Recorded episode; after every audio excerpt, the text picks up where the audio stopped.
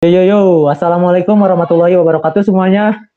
Selamat datang kembali di channel Misi PPG Official. Keep calm and coding. Semoga semuanya dalam keadaan sehat-sehat ya, uh, tetap jaga kesehatan dan tetap rajin olahraga. Tentunya tetap mematuhi protokol kesehatan. Selamat datang di podcast Hamisi teman-teman yang sudah vakum hampir beberapa bulan ke belakang ya, karena uh, adanya pandemi ini Sesuai pengumuman atau poster yang tertera di sosial media Hamisi, tema dari podcast kali ini yaitu ngopi, ngobrol program IT. Nah, sesuai juga dari request teman-teman nih, yang akan kita bahas kali ini adalah mulai melangkah di dunia IT. Di sini saya uh, Muhyiddin Yahya tidak sendiri, saya sudah bergabung bersama Teman saya Randi Ramadan selaku Ketua Himpunan Manajemen Informatika dan Sistem Informasi Halo. periode 2020 2021 sekaligus CEO dari Ayaboga Education. Nah, selamat sore uh, Randi. Yo, apa kabar? Sehatmu? Nah, uh, sebelum kita ke inti dari pembicaraan, oke. Okay ini uh, bagus banget nih dari request dari teman-teman nih. Mulai melangkah di dunia IT. Menurut pandangan dari Randi nih, request dari teman-teman tuh uh, bagus atau tidak gitu?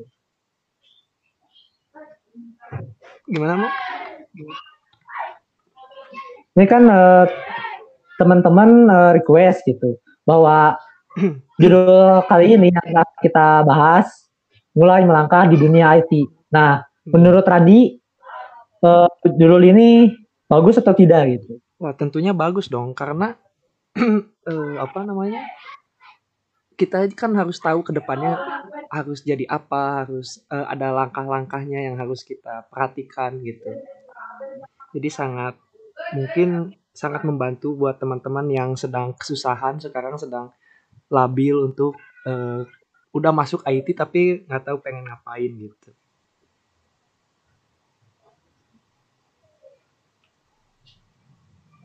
Nah, uh, kadang-kadang kita gini Roran, kadang-kadang kita tuh bingung tuh di dunia dunia IT itu ada program sama pemrograman. Itu bedanya apa sih gitu? Antara program sama pemrograman itu? Oke, jadi kalau misalnya program itu bahasa Inggrisnya kan perangkat lunak ya atau software. Nah, biasanya dia uh, cuma berisi kumpulan perintah perintah doang. Jadi struktur program itu untuk menyelesaikan suatu masalah tertentu. Nah, sedangkan pemrograman itu dia lebih ke prosesnya. Jadi ada proses menambahkan, proses membangun, proses maintenance software atau merawat sebuah software gitu. Lebih ke tingkahnya nah, sih. Uh, lebih ke tingkahnya ya. Mm -mm, kalau, uh, kalau ini ada yang sangkut pautnya nih sama pro program pemrograman dan ini nih yang penting. Hmm. uh, programmer tuh apa sih gitu? Nah kalau misalnya menurut Radi programmer itu orangnya. Jadi orang yang memiliki kemampuan uh, untuk merancang sebuah program merancang sebuah sintaks dan tentunya menggunakan bahasa pemrograman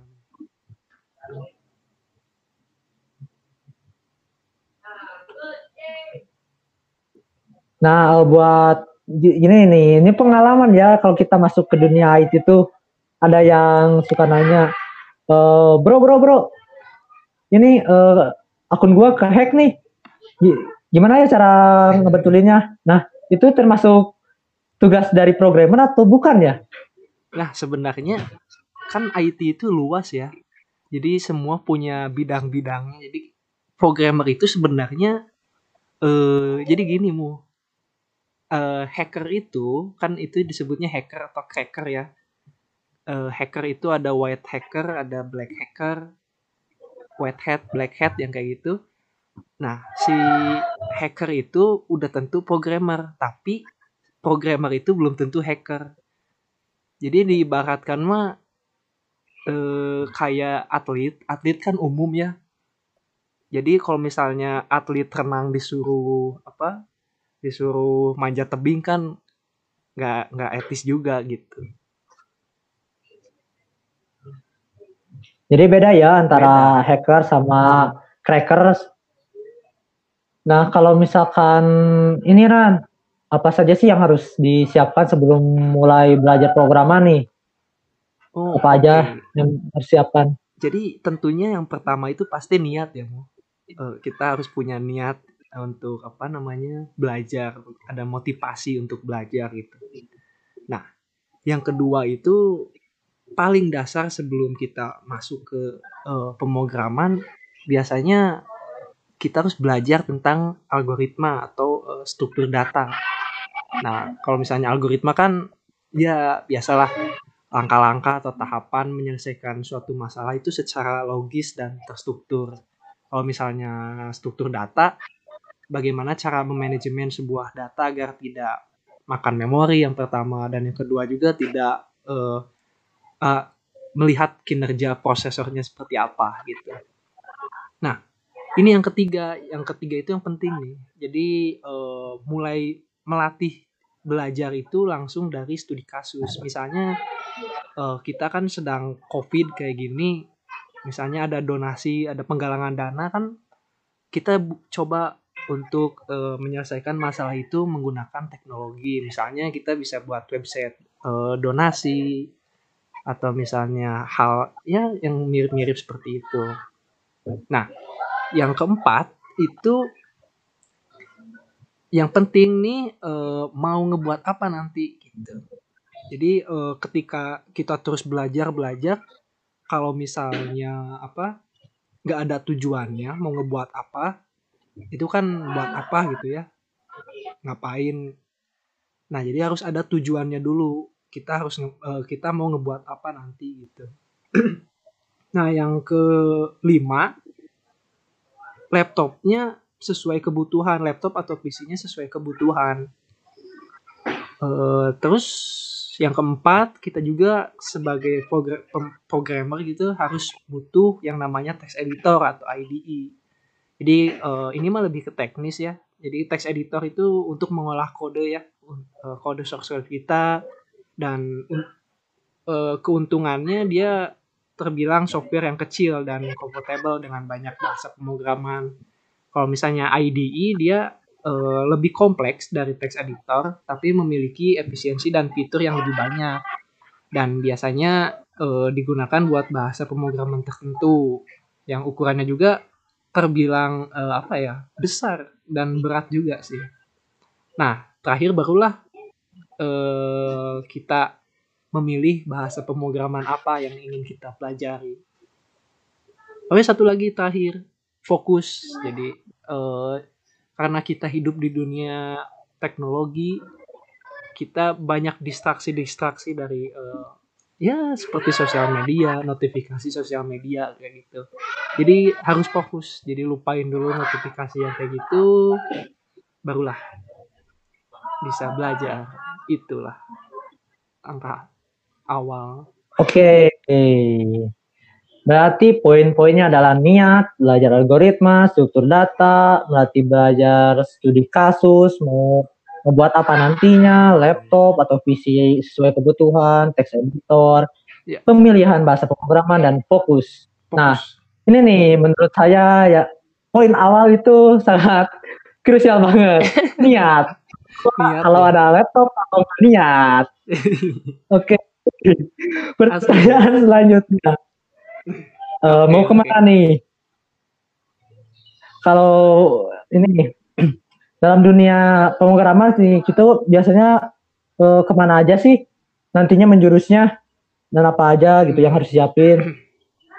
Jadi uh, ada banyak uh, istilahnya cabang atau branch ya untuk kita belajar atau mengulikan suatu teknologi uh, khususnya dunia pemrograman gitu ya. Yang pertama tentu dunia web, dunia website. Uh, yang kedua itu ada dunia desktop, terus ada dunia mobile juga, ada dunia artificial intelligence atau AI dan ada dunia akhirat ya. Nggak, itu cuma tiga ya, yang umum ya. Eh, empat. Oke, jadi kalau misalnya masuk ke dunia web, itu dibagi jadi dua ya teman-teman. Uh, Jadi uh, pertama itu apa aja tuh? Ada front end, terus yang kedua ada back end. Nah sebenarnya kita uh, tiap misalnya dunia desktop, dunia desktop juga ada front endnya, ada back endnya, dunia mobile juga ada. Uh, beda dengan dunia AI gitu ya. Nah jadi di web ini biasanya basic untuk front end itu HTML, CSS, ada JavaScript juga kita harus belajar. Terus ada ASP.NET. Jadi ada tahapannya. Jadi sebelum kita langsung terjun ke mana-mana itu pertama kita harus tetap belajar dari front end-nya dulu, dari belajar tentang basic HTML kayak gimana.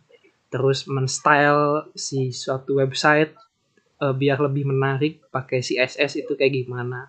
Terus uh, ada fungsi-fungsi agar lebih interaktif menggunakan JavaScript kayak gimana terus ada ASP juga gitu nah yang keduanya selain front end itu ada back end jadi uh, pertama basicnya harus belajar dulu misalnya uh, back end sekarang yang lagi naik daun kayak Golang kayak PHP ada Java, Python juga, JavaScript juga sekarang bisa di back end gitu. Ada Ruby. Kemudian barulah belajar tentang database. Database itu biasanya tentang MySQL, ada MongoDB, Firebase, banyak lah ada mm, NoSQL, uh, uh, Node.js SQL sebenarnya kepanjangannya. Ada Oracle juga, ada Postgres. Nah, itu kalau misalnya dunia web. Jadi sebenarnya lingkupnya uh, kecil, cuma dalamnya itu uh, apalagi JavaScript nih. ada orang yang bilang JavaScript itu susah uh, gampang dipelajari tapi susah menjadi master JavaScript. Jadi banyak sekali yang uh, fitur-fiturnya dari JavaScript itu contohnya. Nah, itu dunia web ya.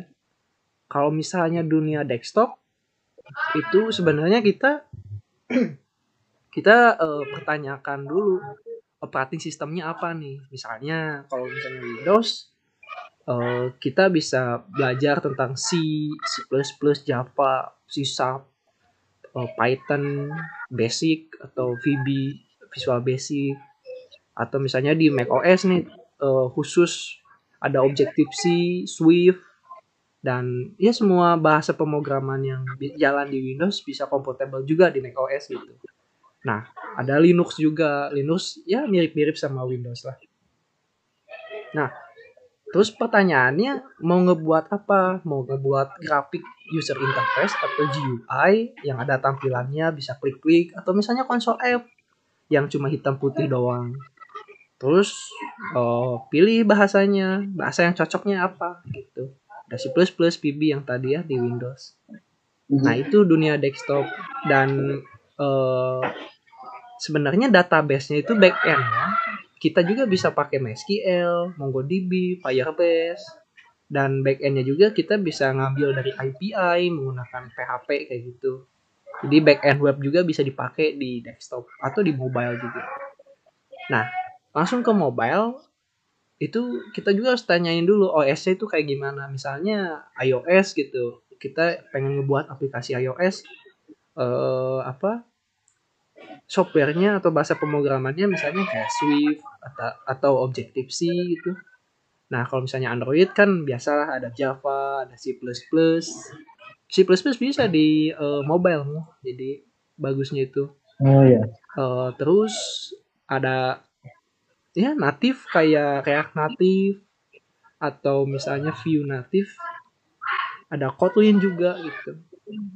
Nah, setelah itu barulah ada dunia artificial intelligence kecerdasan buatan. Biasanya uh, dia kan nguliknya di database ya di, uh, tentang data-data bagaimana manipulasi data kayak gitu dan menghasilkan suatu decision atau keputusan yang paling terbaik di AI-nya biasanya pakai R programming.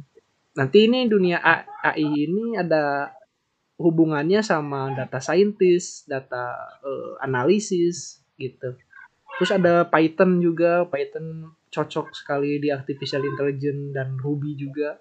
lebih bagus sih gitu jadi ada banyak lah ada empat rute untuk kita eh, mengulik di dunia pemrograman Wah, ternyata cukup banyak juga ya teman-teman. banyak Ini eh, kita tuh harus eh, merencanakan gitu. Kita iya tuh harus ah, ke dunia web, ke desktop, Hmm. mobile atau AI. gitu.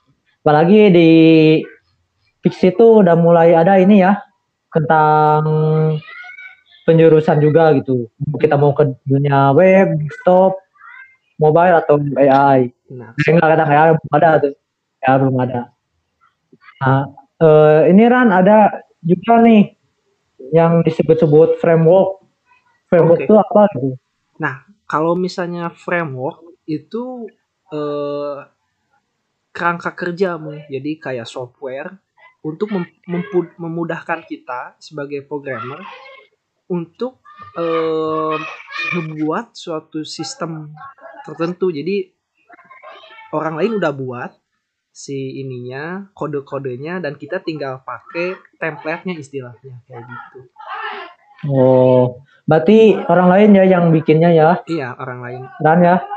dan Nah. kita juga malah bisa ngebuat si framework itu sendiri gitu Hmm. Terus kalau misalkan udah dibuat gitu sama orang lain, terus eh, kita harus ken- kenapa kita harus belajar gitu tentang framework ini gitu? Nah, pertama sebenarnya framework ini memudahkan kita untuk pekerjaan kayak tadinya di atas. Nah, yang kedua keamanannya tentu eh, lebih aman daripada kita pakai misalnya PHP natif biasa atau pakai JavaScript biasa gitu. Nah, yang ketiga efisiensi waktumu. Jadi eh, karena sudah banyak yang dibuat, kita tinggal istilahnya kita tinggal nyusun-nyusun aja gitu kasarnya mah. Jadi waktu juga lebih efisien. Nah, terus simple, terstruktur juga karena udah emang udah diatur, udah ada aturannya. Misalnya eh, framework PHP gitu kayak Codeigniter, kayak Laravel, itu kan udah ada strukturnya. Jadi kita nggak sembarang misalnya nyimpen file di folder A gitu. Jadi udah tersusun. Jadi folder A fungsinya buat nyimpen data ini, buat nyimpen file ini, folder B buat ini, buat ini gitu yang ke berapa tadi ke kelima itu konsisten jadi si semuanya udah udah tersusun dan konsisten si eh, misalnya kita pemanggilan sesuatu CSS atau misalnya manggil kalau di di Laravel itu kan ada artisan gitu. Jadi dia konsisten ya- namanya gitu. Yang terakhir eh hemat biaya sih sebenarnya. Jadi eh, apalagi framework framework kan udah open source jadi artinya kodenya terbuka dalam tanda kutip itu si kodenya itu gratis gitu. Jadi kita tinggal pakai aja gitu. Kalau misalnya dari awal kan ya walaupun sama hemat biaya tapi eh, nggak hemat otak gitu. Jadi harus harus mikir lagi harus ini lagi. Seenggaknya kalau misalnya pakai framework udah banyak yang dihandle sama si framework itu gitu. Wah, sangat penting sekali ya teman-teman nih. Buat teman-teman yang hobinya ngopas, hobinya simpel-simpelan. Nah, framework adalah jalannya. Oke. Iya benar-benar Terus nih, Heran, yuk kan tadi eh, di web tuh ada frameworknya apa aja gitu. Nah. Buat frameworknya di web Ah. apa, di desktop apa, di mobile apa, di AI apa. Oke, eh, paling yang setahu saya ya, pertama di web itu kalau misalnya masuk ke front end, biasanya kayak CSS, CSS itu banyak. Ada misalnya ada Bootstrap, ada Materialize, ada Bulma, ada jQuery UI gitu, ada UI Kit juga. Nah, JavaScript ini yang lebih apa namanya? eh sekarang lagi hype-hype-nya nih framework-framework JavaScript kayak Vue.js, React.js, terus ada Angular.js juga, ada Ember.js, ada apa ya? Itu sih, yang tiga itu yang sedang berlomba-lomba eh, apa dalam penggunaan. Nah, kalau misalnya backend, biasanya kalau PHP itu CI sama Laravel ya tadi itu. terus ada PHP Cake juga tapi biasanya yang dipakai lagi hype-hype-nya lagi boomingnya itu pakai CI apalagi CI sekarang udah CI 4 Laravel baru tahun kemarin eh kemarin gitu ya eh Laravel 8 keluar itu. Terus kalau misalnya yeah. back endnya pakai eh pakai pakai Python itu Django tuh Django bagus untuk back end terus kalau misalnya Ruby Ruby on Rails itu untuk backendnya. Atau misalnya go golang ada uh, gin contohnya gitu. Nah itu web. Kalau misalnya desktop uh, kayak .net .net itu sebenarnya kalau teman-teman fiksi ya belajar VB.net gitu ya banyak yang bilang nah itu si .netnya itu kata .netnya itu itu adalah sebuah framework sebenarnya jadi bahasa pemrograman yang dipakai itu namanya VB Nah, frameworknya namanya .NET. Tapi kadang kita suka disatuin gitu ya. Misalnya ya kayak uh, eh, CSS Bootstrap gitu, CSS uh, eh, Materialize atau CSS Vue.js gitu. Uh, CSS apa? U, UI Kit atau JavaScript, JavaScript Vue.js gitu. Uh, jadi suka disatukan sih kata-katanya. Jadi VB.NET atau C Sharp.NET misalnya ASP.NET itu uh, pakai .NET kan si ASP sama C Sharp Nah, kalau yeah, misalnya yeah, yeah. C++, eh sebenarnya oh iya kita uh, kalau nggak salah C++ juga bisa pakai .NET gitu. Tapi khususnya kalau C++ atau Python dia uh, pakai Qt. Ada yang namanya IDE itu Qt Creator di sana kita bisa buat aplikasi desktop pakai C++ gitu. Nah, kalau misalnya Java buat backend ada Express kalau misalnya ngebuat aplikasi desktop pakai JS bisa pakai JavaScript ada pertama ada Meteor terus ada Vido apa bacanya? Vido itu. Nah itu Vido itu framework dari Vue.js jadi di atas uh, di atas framework itu ada framework lagi. Misalnya di React.js nih ada React.js di atasnya ada Next.js gitu. Nah, di sini Vue.js ada Vuedo, Vuedo, uh, ya Vuedo namanya. Nah, itu buat desktop. Kalau misalnya mobile, uh, kalau pakai sisap itu samarin, bagus tuh. Nah, kalau misalnya C++ juga kita bisa pakai untuk aplikasi mobile, pakai Qt juga sama kalau nggak salah. JavaScript ya tentu uh, Ionic bagus. Dari apa ya? Hmm, dari Java iya murni JavaScript kalau nggak salah. Ada React Native juga. React Native itu dari React gitu ya jadi di atas frameworknya lagi ada framework gitu. Nah terakhir ada Flutter mungkin. Flutter itu dari bahasa Dart. Dart itu buatan Google si bahasanya. Nah itu kalau misalnya si mobile. Kalau misalnya artificial intelligence ada TensorFlow. Itu dari Google juga. Python bisa, C++ juga bisa, ada Torch, Torch ya, ada dari uh, kita kalau misalnya pakai Luanji, Luanjiti gitu.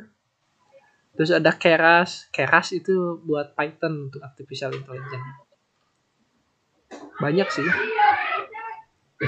Nah, ternyata banyak sekali ya uh, lumayan nih lumayan. bikin kita berpikir gitu mau pakai apa nih kalau nanti kita uh, kopas-kopas kopas-kopas kita harus harus pakai framework yang mana nih? Iya sebenarnya kan ada yang bilang ya bu ya. Misalnya kamu tuh jadi programmer jangan kopas-kopas gitu. Sebenarnya serius kan? Banyak yang bilang kayak gitu. Ya. sebenarnya uh, ya. apa? Justru kopas-kopas itu sebenarnya ketika dunia kerja itu emang udah wajar gitu. Jadi ya ibaratnya mah uh, ya udah udah lumrah lah tapi nah ini yang harus digarisbawahi.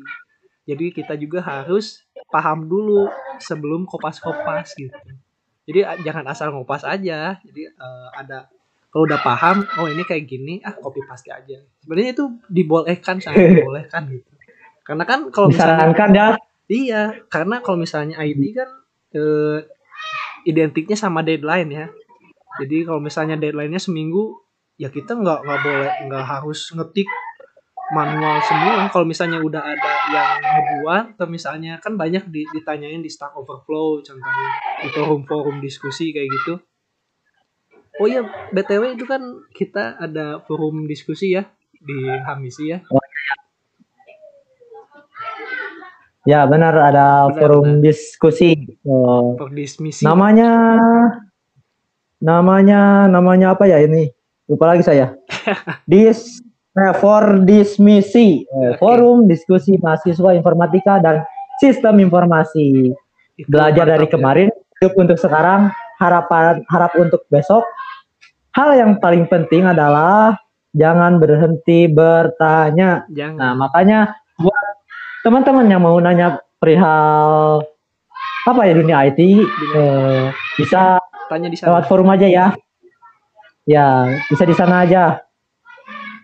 Eh, websitenya Mau mana? dari websitenya di https for dismisi.hamisippg.org. Mantap. Nah, itu nanti di share lagi di Instagram Hamisi official. Siap. Nah, Nah, itu. Sekarang Gimana? Ya. sampai mana? dari itu Kopas ya? sampai ya Iya. sampai framework ke uh, Jadi ya gitu sih. Jadi bagus kalau misalnya sebenarnya malah diun- sangat diuntungkan kalau misalnya teman-teman pandai untuk copy paste. Itulah intinya. Nah, mungkin eh, cukup sekian ya untuk podcast hari ini di sore yang hmm, cukup cerah di Bandung ya. Cerah-cerah. Eh, terus dukung podcast Hamisi dengan cara like, comment, and subscribe.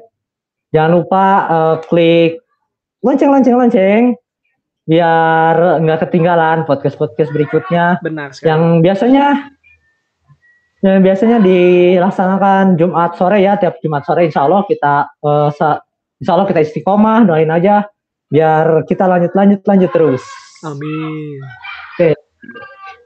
Sekian podcast dari kita Hamisi Official keep calm and coding Yo.